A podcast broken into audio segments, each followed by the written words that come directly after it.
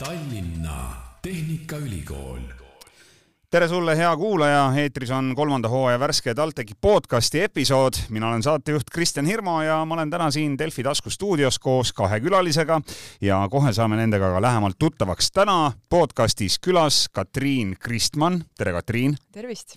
ja tegelikult juba varasemalt minuga siin TalTechi podcastis vestelnud Taavi Raadik. tere, Taavi! tere, Kristjan! Teie mõlemad toimetate Tallinna Tehnikaülikooli juures ja võtame siis kõigepealt ette, et mida ja millise koha peal te seal siis teete? Katriin, mis sinu ametinimetus on või, või, või millega sa Tallinna Tehnikaülikoolis tegeled? jah, mina olen Tehnikaülikoolis noorem teadur või siis doktorant ehk ma olen esimest aastat nüüd tegelen täiskohaga teadusliku uurimistööga sellest projektist ilmselt täna räägime lähemalt, aga eh, Tehnikaülikoolis olen ma kogu oma kõrgema hariduse saanud, nii et eh, ka viimane tase tuleb seal. ja mis teaduskonna juures sa toimetad? inseneriteaduskonnas mm. -hmm. ma vaatan, et äh, sa oled keemia ja materjalitehnoloogia doktorant. Just nimelt Materjali- ja Keskkonnatehnoloogia Instituudis. et äh, kuidas sa üldse nii kaugele või, või selle valdkonna juurde jõudsid, et äh, mis sinu, mis sinu taust on või kus see huvi tekkis sul?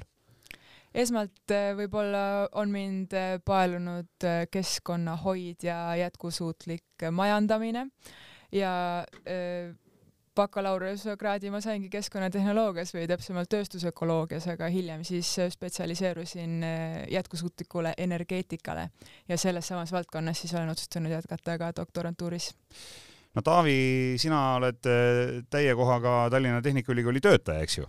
no jaa, täpselt nii, et mina töötan siis äh, samas instituudis, kus siis Katriin doktorandiks on ja samas laboris ka siis päikseenergeetika materjalide laboris äh, teadurina ja, ja meie eesmärk ongi siis uurida nii-öelda neid uusi materjale ja võimalusi, kuidas me seda päikeseenergeetikat efektiivsemaks, soodsamaks, kättesaadavamaks muuta inimestele no täna, kui me seda podcasti salvestame, siis Tallinnas on ilm üsna hall ja päikest väga näha ei ole ja ja ma olen tegelikult kogu aeg, kui juttu tuleb päikeseenergeetikast, olnud ise natukene skeptiline, et, et kasvõi siin meie Eesti-suguses riigis, et kui tõhus see päikseenergia tootmine üldse on. Taavi, kas sellise ilmaga nagu täna on võimalik üldse mingit energiat toota? jah, täna aknast välja vaadates, siis me väga ei tooda sellise ilmaga ja noh, kui päris aus olla, siis ütleme nii, need talvekuud, ütleme november, detsember, jaanuar, veebruar on suhteliselt äh, kehvapoolsed, aga nii kui hakkab päike juba pilve tagant välja tulema, ütleme märtsist, nii ka kohe see toodang kasvab väga hästi, nii et et jah, talvel on meil vähe kehvad lood, aga see-eest kevad, suvi, sügis me toodame väga võimsalt no maailmas on ka tegelikult ju väga palju selliseid riike ja regioone, kus äh, kolmsada kuuskümmend päeva aastas päike paistab, nii et äh, tegelikult maailma mastaabis võib see olla ikkagi väga-väga suur haru, mis meie energiasektorit peaks siis päästma või vähemalt turgutama. kahtlemata, selles on sul õigus, et, et päikseenergeetika, vähemalt meie usume, et selles on tulevik no aga Katriin, ma tean, siia podcasti tulles ma natukene uurisin ka, et, et millega te seal TalTechis tegelete.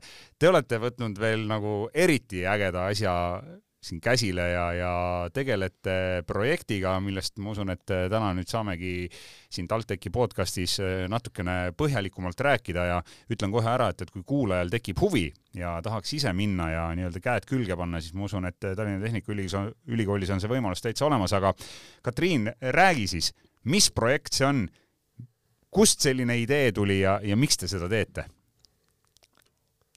See projekt ehk siis minu doktorantuuri projekt on koostöös Euroopa Kosmoseagentuuriga ehk siis lisaks Tehnikaülikoolile on kolmas osapool Euroopa Kosmoseagentuur. Nende toetusel ja nende kaasabil üritame me valmistada selliseid päiksepaneele, mida saaks toota kuu peal kuul leiduvatest ressurssidest.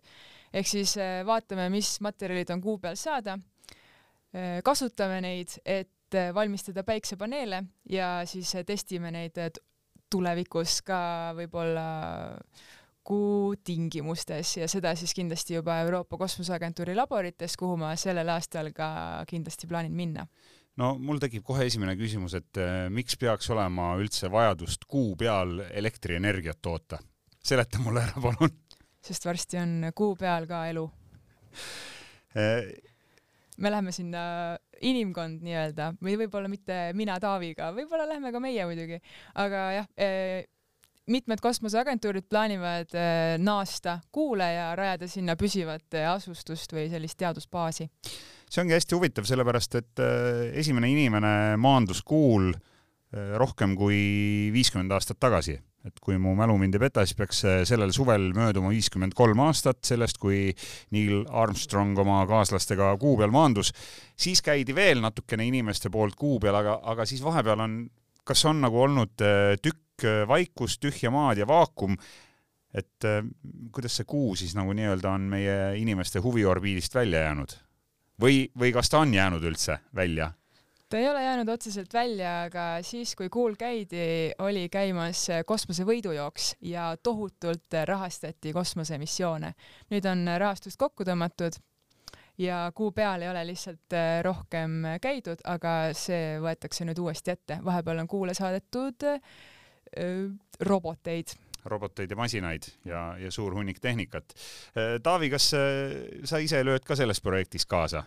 jah, et osalen selles ja eks ma siis äh, võin öelda, et äh, et minu initsiatiivil see asi üldse loo-, käima pandi ja loodi, sest noh, eks meil mõningad aastad tagasi äh, tekkis esimesed kontaktid Euroopa Kosmoseagentuuriga ja ja see tehnoloogia, mida me arendame päikseenergeetikas, see tundus neile väga intrigeeriv ja esimesed koostööd said tehtud, paistis, et see tehnoloogia, millega me tegeleme, on huvitav, sobiks äh, Äh, ka kosmosekeskkonda ja nii see koostöö nii-öelda edasi arenes äh, kuni sinnamaani välja, et ma ise oli, töötasin aasta aega seal kosmoseagentuuris, lõime sidemed ja tulles tagasi sealt oli plaan paigas, et nüüd tuleb edasi arendada ja kuule minna ja selleks, et seda teha, oleks vaja ühte tublit ja särasilmset äh, doktoranti, kes aitaks mul seda asja realiseerida ja nii me leidsimegi Katriini Katriin, kui sa Tehnikaülikooli astusid, kas sa enam-vähem kujutasid ette ka, et sa sellise asjaga hakkad tegelema?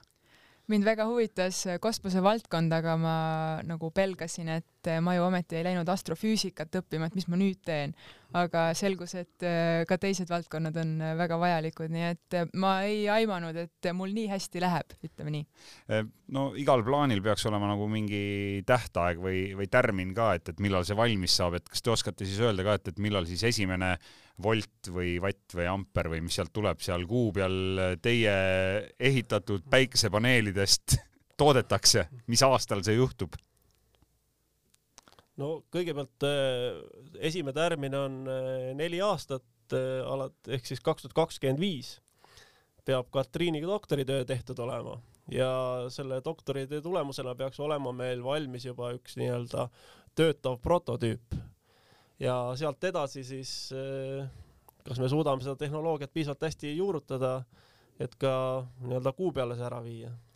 Eh, te juba mainisite ka, Katriin, minu meelest sina ütlesid, et eh, neid päikesepaneele või seda, seda nii-öelda tehnikat, mis siis elektrit toodab kuu peal tulevikus, seda hakatakse ka tootma kuul leiduvatest materjalidest, sain ma õigesti aru? Täpselt nii, eesmärk ongi see, et me ei peaks päiksepaneele viima maalt rakettidega, vaid neid saaks seal toota. nii, selleks tuleb siis äh, kuu peal kõigepealt püsti panna mingi tehas. jaa. kas tehases töötavad inimesed? seda on raske öelda, ma arvan, et äh, tulevikus äh, sellise kondi auruga tehakse vähe tööd kuu peal, et loodetavasti on seal rohkem sellist autonoomset tehnoloogiat, aga kahtlemata peab seal ka inimesi olema aga mis materjalid need on siis, on need mingid maavarad või, või millest neid päiksepaneele siis peaks nagu saama toota? Need on äh, kuuvarad, jah. või jah, vabandust, kuu on okay. maavarad, maa peal on maavarad, kuu peal on kuuvarad. no äh. need on sellised maagid, ütleme. Äh, meie kasutame püriiti, öeldakse ka kassikulda ja see materjal koosneb siis rauast ja väävlist. Ja püriti leidub ka maa peal, mitte ainult kuul, nii et see oleks ka maarakenduseks täiesti väga hästi sobilik päiksepaneel. Ja noh, see on selgeks tehtud, et kuul leidutada ka, nii et seal saaks seda kasutada mm. -hmm. nii et äh, meil maal on äh, siis analoogne materjal olemas, mida te saate siin oma katsetes ja, ja võib öelda leiutamise juures, selle kohta võib öelda leiutamine no ütleme. ütleme leiutamine, selle juures kasutada, aga need tingimused seal kuu peal on ju hoopis teistsugused kui maa peal, on? kahtlemata, kahtlemata. et kuidas, kuidas neid tingimusi siin luua, mille, mille najal siis katsetada seda tehnoloogiat või on, on see üldse võimalik või te peate nii-öelda kuidagi seda äh, ma ei tea, ette kujutama või, või oskama kuidagi arvestada nii-öelda teoreetiliselt paberi peal, et, et kuidas see katsetamine käib näiteks? no eks maa peal on nii-öelda äh, maa peal on meil võimalik simuleerida ju kuu, ütleme, keskkonda, täiesti vabalt, et seal on kõrged temperatuurid, madalad temperatuurid, äh, kõrge vaakum Äh, suurem ultravioleti tase ja nii edasi ja nii edasi, et noh, mingid parameetrid me oleme kindlasti võimelised äh, simuleerima.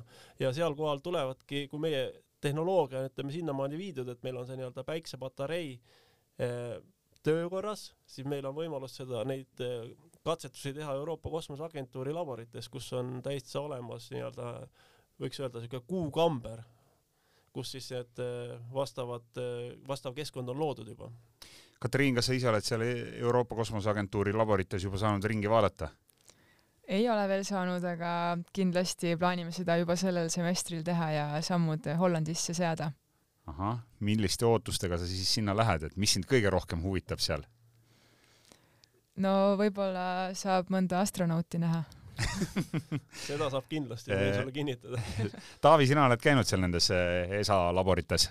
Jah, et ma oma järeldoktorantuuris olin seal aasta aega, töötasin, õppisin, lõin kontakte ja, ja ka astronaute oli näha seal väga palju. noh, praeguseks hetkeks natuke seoses selle viirusliku olukorraga on asjaolud muutunud, aga iga kord, kui seal oli mingi suur seminar või mingi suurem üritus, tähtpäev, alati oli seal seal mingi tükki viis astronauti jalutas ringi ja ja tegi tutvust kõigi, nii et oli otse võimalik inimestest küsida, kes reaalselt on kuskil kosmoses kuskil hõljunud nii-öelda. kas neil on alati skafandrid seljas, et sa nad ära tundsid? Neil oli see, see ei ole skafander, aga siukene, kuidas ma ütlen, siuke jumpsuit. okei okay,, ma nägin äh, Dubai konverentsil neid siis äh, jumpsuit'e. et öö, äh, otse, otse siis nii-öelda ehedad emotsioonid inimestelt, kes on ise kosmoses käinud. täpselt nii. jah Teil endal on ka mingi ambitsioon, et, et tahaks ise ka sinna kuu peale jõuda ja vaadata siis kuidagi tulevikus äkki, et, et kuidas see teie loodud päiksepaneel seal elektrit toodab või ei ole selle peale mõelnud kunagi? oleme ikka mõelnud, ma ütleksin küll, et äh, ära ei ütleks jah, tahaksin minna küll kuu peale, aga võib-olla mitte jah, elama, vaid äh, külastama näiteks. ekskursioonile tööle? no meil tegelikult ju kosmoseturismi juba näpuotsaga tehakse, et, et äh, Taavi, kui sa oled seal Euroopa Kosmoseagentuuris ringi luusinud, siis kui reaalne see on, et äh, kosmoselennud üleüldse võib-olla meie elu selliseks mm, tavaliseks pärisosaks saavad siin mingil ajal või millal see võiks juhtuda? no ütleme nii, et noh, seda ma ei julge sulle öelda mingit kindlat tärminit, aga nähes, kui palju selle praegu peale praegu panustatakse äh, ütleme erasektoris äh, on ju Ameerika suured äh, tegijad seal, SpaceX, Blue Origin ja nii edasi, Virgin Galactic, et äh, nemad juba lennutavad inimesi kosmosesse, ma arvan, et see on siin mõne dekaadi küsimus, et meil olekski võimalik seal olla, et sa oledki tavainimene, ostad pileti ja sa ei lenda näiteks Hawaii'le või kuskile Austraaliasse, vaid teedki väikse sutsu kuu peal ära ja, ja oled varsti tagasi. et kui sa täna oled näiteks kakskümmend viis, et siis oma viiekümnendat sa võiksid võib-olla vabalt juba kosmoses äh, saada tähistada? no kahekümne viie, kahekümne, kahekümne viie aasta pärast? ma usun küll, et äh, see on täitsa reaalne. küsimus muidugi jah, et mis ta maksab, aga, aga ma usun, et äh, et me, meie tehnika areneb nii kiiresti, et see on lihtsalt aja küsimus no kosmose, kõik see kosmoselennud ja kosmosetehnika, see on tegelikult ju ulmekallis ja, ja me kuuleme neid numbreid ja kui palju miljardeid sinna, sinna maetakse, et mis inimesi üldse sinna kosmosesse ajab? et mida, mida meil sealt otsida on? See on suures osas inimese loomuses, ma arvan, olla uudishimulik, tahta maid avastada, tahta vallutada midagi. suur osa sellest, et me sinna läheme, on see, et me tahame lihtsalt äh, näha, kas me suudame seda teha.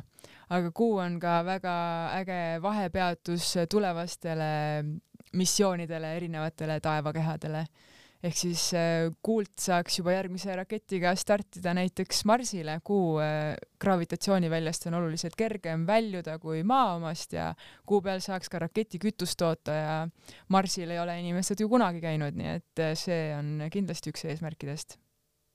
Taavi, mis seal Kuu peal veel võiks toimuda, fantaseerime natukene, et kui te selle päikseelektrijaama seal püsti saate, et mille peale seda energiat seal veel võiks kuluda? Noh, me juba kuulsime, et, et seal võiks olla see vahejaam, aga mida veel kuu peal teha? no mina kujutaks ette, et kuu oleks ideaalne niisugune peatuspaik inimesele, kes otsib niisugust vaikust ja rahu Te eemale teistest. üks variant on jah, et minna Eestis näiteks Soomaale metsa, kus sa kedagi ei näe, aga teine ägedam on minna kuskile kuu peale. ja ma arvan, et see on ikkagi see turism, mis siis hakkab ühelt maalt pihta seal no praegu meil siin maa peal räägitakse ka ju väga palju keskkonnakaitsest ja sellest, et me peame oma planeeti päästma. kui olulised need teemad äh, kosmoses on, et äh, päikseenergia iseenesest on ju roheline energia, et, et kas selle tõttu siis ka olete alustanud just seda kuu peal päikesest elektri tootmise programmi, et, et nii-öelda ka kuu keskkonda puhtana hoida? jah, aga kuu peal ei ole ju nii palju võimalusi, kui meil nagu maa peal on energia tootmiseks, mida me siis saame kuu peal kasutada peale päikeseenergia, kas tuuleenergiat? no atmosfääri seal ei ole, nii et ei. naftat seal samuti ei ole, ühtegi tahket fossiilset äh, kütust samuti mitte, nii et teine võimalus on toota vesinikku või siis kolmas võimalus äh, tuumaenergiat, nii et neist äh, kõikidest äh, perspektiivikaim on kindlasti päikeseenergia. no kui me räägime päikesest ja me oleme tänast Eesti ilma juba maininud, siis kuidas kuul päiksega lood on üldse? seal, kus teda paistab, on ta väga intensiivne ja temperatuurid küündivad ka väga kõrgele, kui ma ei eksi, siis üle saja kraadi Celsiust nii et äh, päikest on seal äh, väga palju, jällegi on mõned kohad, kuhu mitte kunagi päike ei paista. Äh, kuu pöörlemistelg on peaaegu otse püsti, mitte siis nii nagu maal on pöörlemistelg väikse kalde all. nii et kuul on sellised piirkonnad, kuhu päike pidevalt paistab ja kus need temperatuuri erinevused ei ole nii suured, et päiksepaneel peab kannatama kõrget temperatuuri, aga võib-olla mitte nii suurt sellist fluktuatsiooni kas äh, kuul on pilvi ka? ei. ei ole?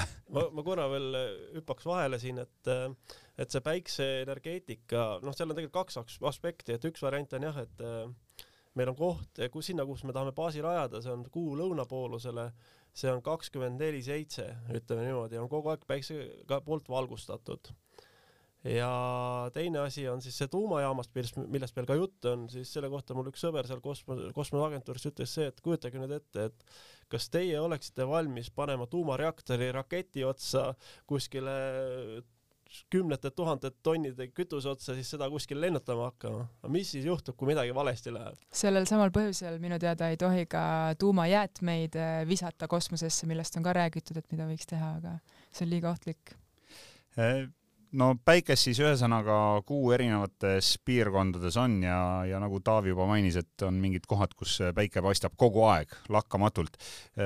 küsin veel sellise küsimuse, et kui nüüd see piirkond on teil välja vaadatud seal kuu lõunapoolusel ja sinna kunagi tekib see päikeseelektrijaam, siis kas näiteks Eestist on võimalik seda jälgida ka nii palja silmaga või jääb see nüüd kuhugi kuu teisele küljele, mida siit meie juurest näha ei ole? Et saad, saad visata pilgu taevasse ja vaadata, et kuidas see jaam seal tiksub või? kahjuks ikkagi liiga väike ja liiga kaugel, et seda palja silmaga vaadata. kas ta nüüd täpselt Eestist välja, vot siin ma jään vastuse võlgu, kas ta nüüd Eestist äh, täpselt välja paistab, aga, aga jah no igal juhul, igal juhul väga-väga huvitav ja väga ambitsioonikas teema ja ja selle projektiga tegeletakse siis äh, siinsamas Tallinnas äh, TalTechis. kui palju inimesi üldse Tehnikaülikoolis äh, selle, selle töö või projektiga tegeleb, Katriin, peale sinu ja, ja Taavi, kes sa seal ka kaasa lööd? kui suur see tiim teil on? meie väga hea kolleeg Mare on ka meiega projektis ja teised äh, labori kolleegid, kes, kellel on küll nagu oma teised eesmärgid, võib-olla nagu tihtipeale aitavad meid, aga otseselt selle projektiga seotud oleme jah, meie, meil on väga väike tiim. No sina, Katriin, oled nüüd tudengipõlve pidanud nii kaua, et sa teed oma doktoritööd, aga aga kui näiteks mõni TalTechi tudeng tunneb, et vau wow,, et see on nii äge asi ja see on midagi sellist, mida ma tahaks teha, et, et siis kas võib tulla kuhugi koputada, kirjutada või, või võtate kedagi kampa ka sinna veel? jaa, oleneb, palju meil on aega tegeleda juhendamisega ainult siis on nagu asjal mõtet, kui me väga palju saame aidata seda tudengit, et ta oleks nii hea, et ta saab asjadega ise hakkama ja ta saab nagu ise teha ka neid päikesepaneele, ise neid mõõta ja ise nagu rõõmustada nende tulemuste üle, et kindlasti me oleme valmis ja tahame ka mõnda uut tudengit sellele kaasata, see on ka meile väga kasulik. Nii et kui kedagi nagu väga hakkab huvitama, siis ma arvan, et räägime läbi Äh, Taavi, räägi, räägi veel äkki mõnest äh, nii ägedast või noh, ma ei tea, kas üldse on nii ägedaid projekte või teemasid, äh, millega just sina seal igapäevaselt kokku puutud või, või millised on veel need suunad ja valdkonnad, millega praegu Tallinna Tehnikaülikoolis teie, teie osakonnas tegu-, tegutsetakse? no päikseenergeetika on ikkagi see põhiline fookus, millega meie töötame. ja kui nüüd tuleme natuke maa peale, onju, siis noh, eesmärk on ikkagi, et me otsime uusi materjale, mida oleks võimalik nagu eesmärk on ikkagi meil päiksepatareid soodsamaks, odavamaks, efektiivsemaks saada, see on meil üks suur eesmärk.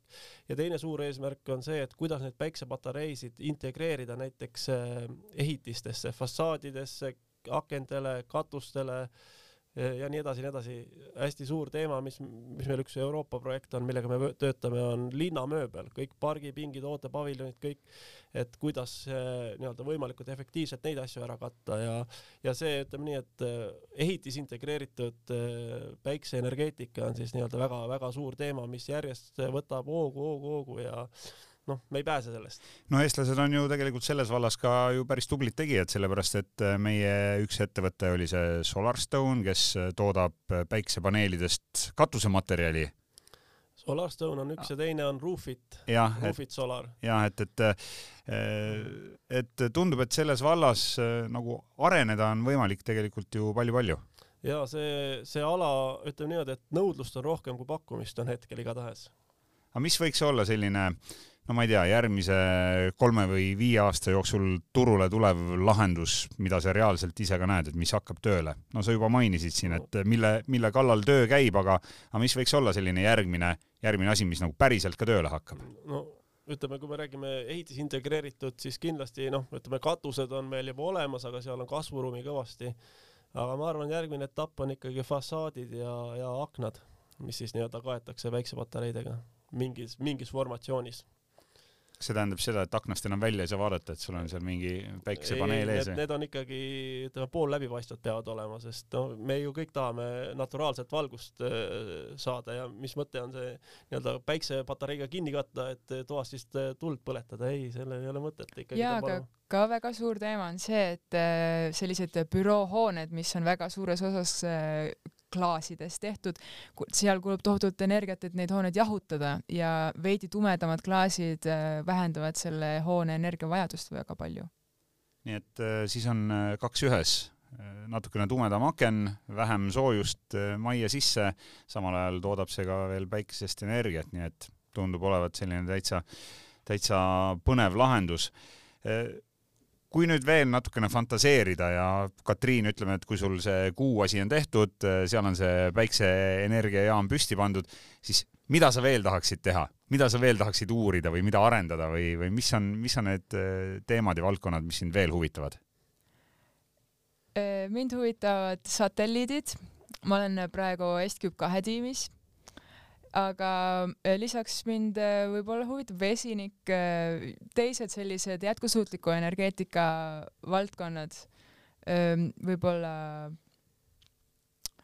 kütuseelemendid ja, ja patarei kondensaatorite tehnoloogiad, millega ma mõtlen, et võiksin tegeleda. aga kosmos on ka ikkagi südamelähedane? kindlasti Taavi, mis sina arvad, et mis selles valdkonnas, ütleme kasvõi näiteks selle rohelise energia, energeetika valdkonnas, milliseid läbimurdeid või milliseid, milliseid lahendusi me võime veel näiteks lähema kümne või kahekümne aasta jooksul ette näha? no mina, no ja mina, mina ikka hoian kätt pulsil päikseenergeetikale, see on selge. Aga ma kardan, et ühelt maalt me, meil Eestis on tuumaelektrijaam samuti, mis võib-olla tõesti ei olegi nii halb mõte üldsegi. aga sa kardad ikkagi? kas sa kardad seda jaama või sa kardad, et me lihtsalt muude energiaallikatega ei tule, tule välja nii-öelda ja ei saa hakkama, et ei, siis on vaja see tuumajaam püsti panna? Äh, muid, muid võimalusi lihtsalt meil ei ole enam ühelt maalt. ma olen nõus.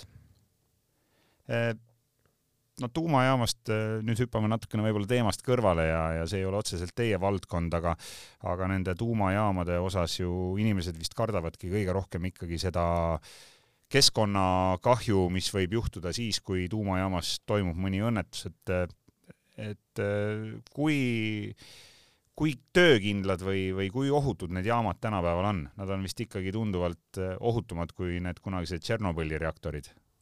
no ma küll ekspert ei ole, aga nii palju, kui ma lugenud ja oma, puhtalt oma huvist seda asja uurinud olen, siis jah, et et midagi sellist, mis Tšernobõlis juhtus tookord, see on nagu võrdlemisi välistatud, et niisugust tüüpi tuumareaktoreid enam ei toodetagi ega ega see tehnoloogiat ei, ei olegi enam nii-öelda nagu ma saan aru, siis praegu tahetakse rajada sellist äh, väikest moodulreaktorit, äh, kui me siin Fermi Energiast räägime.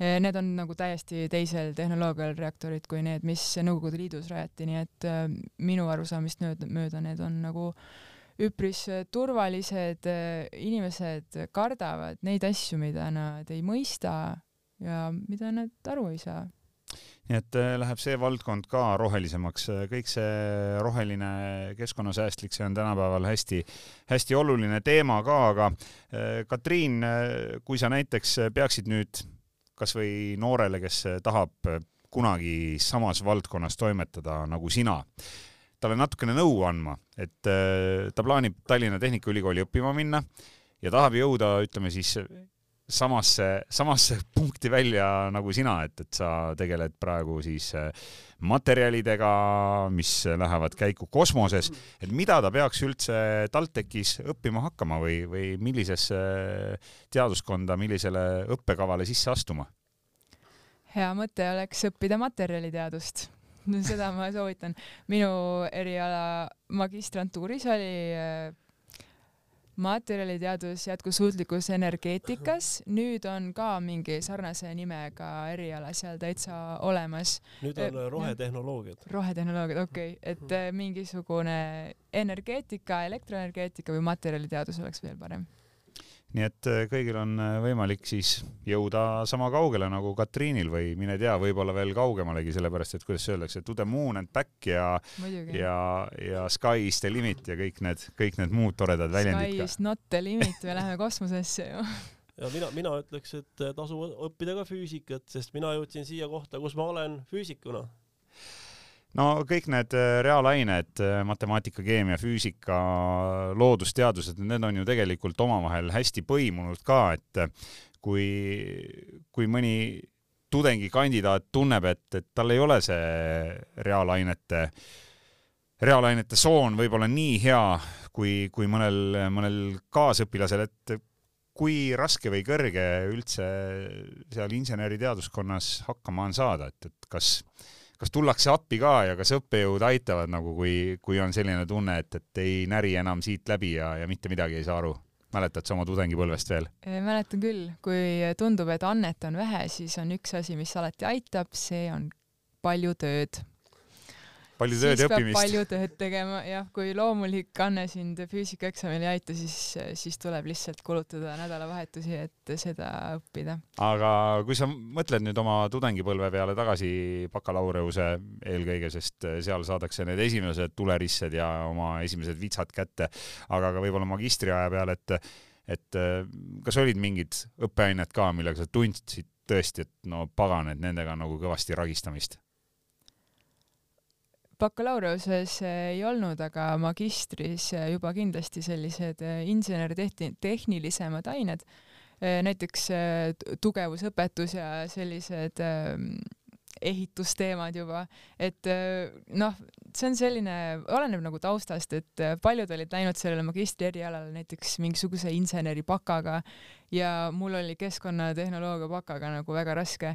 sellepärast ma soovitan juba bakalaureusesse minna võib-olla rohkem nagu sellist reaalainet õppima, tegelikult peab ikkagi kuulama, kuhu süda nagu kutsub.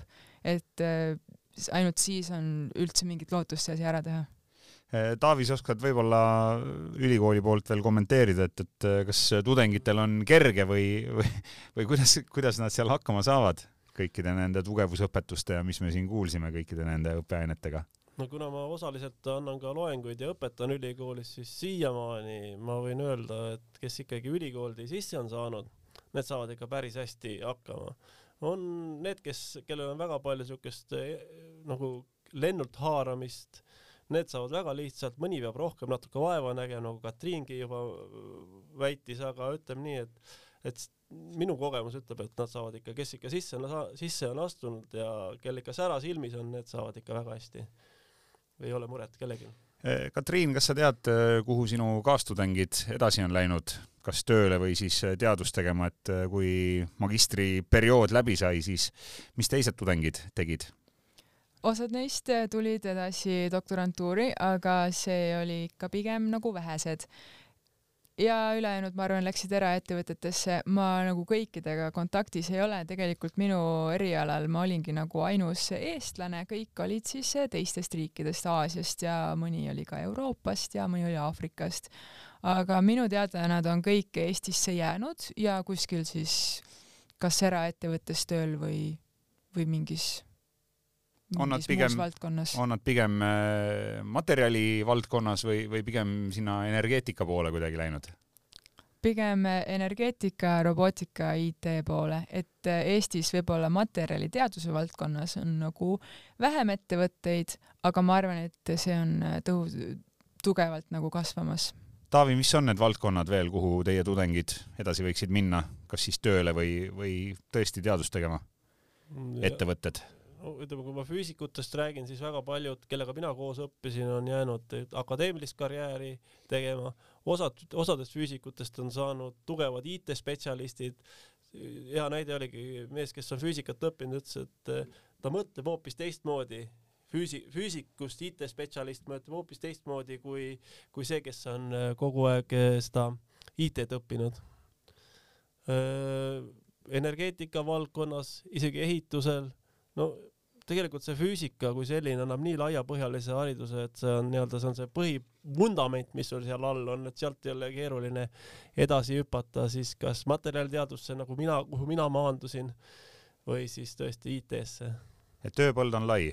tööpõld on lai, füüsika äh, jänni ei jää äh, Katriin, äh, kui sa veel peaksid nõu andma kasvõi näiteks noorele, kes tahab ülikooli minna õppima ja ta ei oska nende õppekavade vahel ikkagi lõplikult otsustada, et mis on minu asi, mida ma tahan õppida, et, et kas on mingi hea nipp, ma ei tea, mäletad äkki enda kogemusestki, et, et mida kasutada, et leida üles see õige asi? no ma pidin ikka vaatama, mis äh, nagu silma särama paneb. aga kui ei suuda kahe asja vahel otsustada, siis tuleb vaadata, kus on tulevikus kõrgemad palgad ma arvan, et nii on. nii et vana hea, vana hea numbrimaagia, et see otsustab. nojah, aga tegelikult ikkagi jah, vaata, võib-olla minul oli nagu väiksed sellised suunised juba, ma tundsin lapsepõlvest, et äh, mulle meeldis äh, võib-olla sellised no looduskaitselised teemad, kui ma olin noorem ja võib-olla nagu äh, keskkond ja loodus ja siis äh, sealt see on nagu edasi arenenud, et seda on nagu vale eeldada, et kaheksateistaastaselt me juba teame, kuhu me tegelikult tahaksime minna, me ikkagi nagu ehitame kiht kihi haaval seda üles ja ja ma arvan, et need asjad, mis koolis tunduvad nagu väljakutsena ja, ja põnevad ja võib-olla nagu keerulised, siis just seda nagu tulekski õppima minna, sest kui bioloogia on sulle lihtne, see on sinu lemmikaine, sest sa ei pea seal pingutama, siis seda ära mine õppima, see on sul igav no Taavi, kas sa nõustud Katriiniga? no nõustun väga suurel määral ja mida ma tahan veel öelda, et see, kuhu sa lõpuks välja jõuad, onju, eks see elu annab sulle tasapisi iga, kogu aeg vaikselt vihjeid. Et kõik see, et me nüüd Katriiniga koos seda kuu, kuu teemat arendame ja töötame selle nimel, siis eks need siuksed, kui tagasi hakata mõtlema, siis need väiksed vihjed tulid kogu aeg ühelt poolt ja teiselt poolt ja eks ikka, kui sa kuhugi tahad jõuda, siis väga palju mängib rolli sihikindlus, aga ka õnne peab olema no ma väga loodan, et eh, nii Katriin kui Taavi, et te ikkagi lõpuks ka päriselt kuu peale jõuate, et mitte ainult teie välja töötatud tehnoloogiad või, või seadmed või, või need päiksepaneelid, mille kallal te seal Tehnikaülikoolis vaeva näete, nii et aastaarvu ei hakka praegu paika panema, aga, aga loodame, et see ikkagi juhtub lähitulevikus. jaa, ma loodan ka. ma arvan sedasama Tallinna Tehnikaülikoolis siis väga põnev projekt, kus koos Euroopa Kosmoseagentuuriga töötatakse välja tehnoloogiaid, mis aitaks kuul päikesepatareidega energiat toota.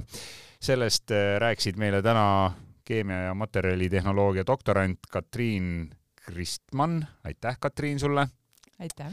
ja suur tänu ka Keskkonnatehnoloogia Instituudi teadlasele Taavi Raadikule, aitäh, Taavi! aitäh! väga põnev oli teiega vestelda ja kui sind hakkas nüüd see asi huvitama, siis vastuvõtt Tallinna Tehnikaülikooli on ka juba avatud ja kõikide õppekavadega saavad huvilised ise tutvuda kodulehel, mille aadress on teejuht.taltech.ee aitäh veel kord tänastele külalistele ja tänud ka sulle, kes sa kuulasid ära värske TalTech eh, podcasti episoodi.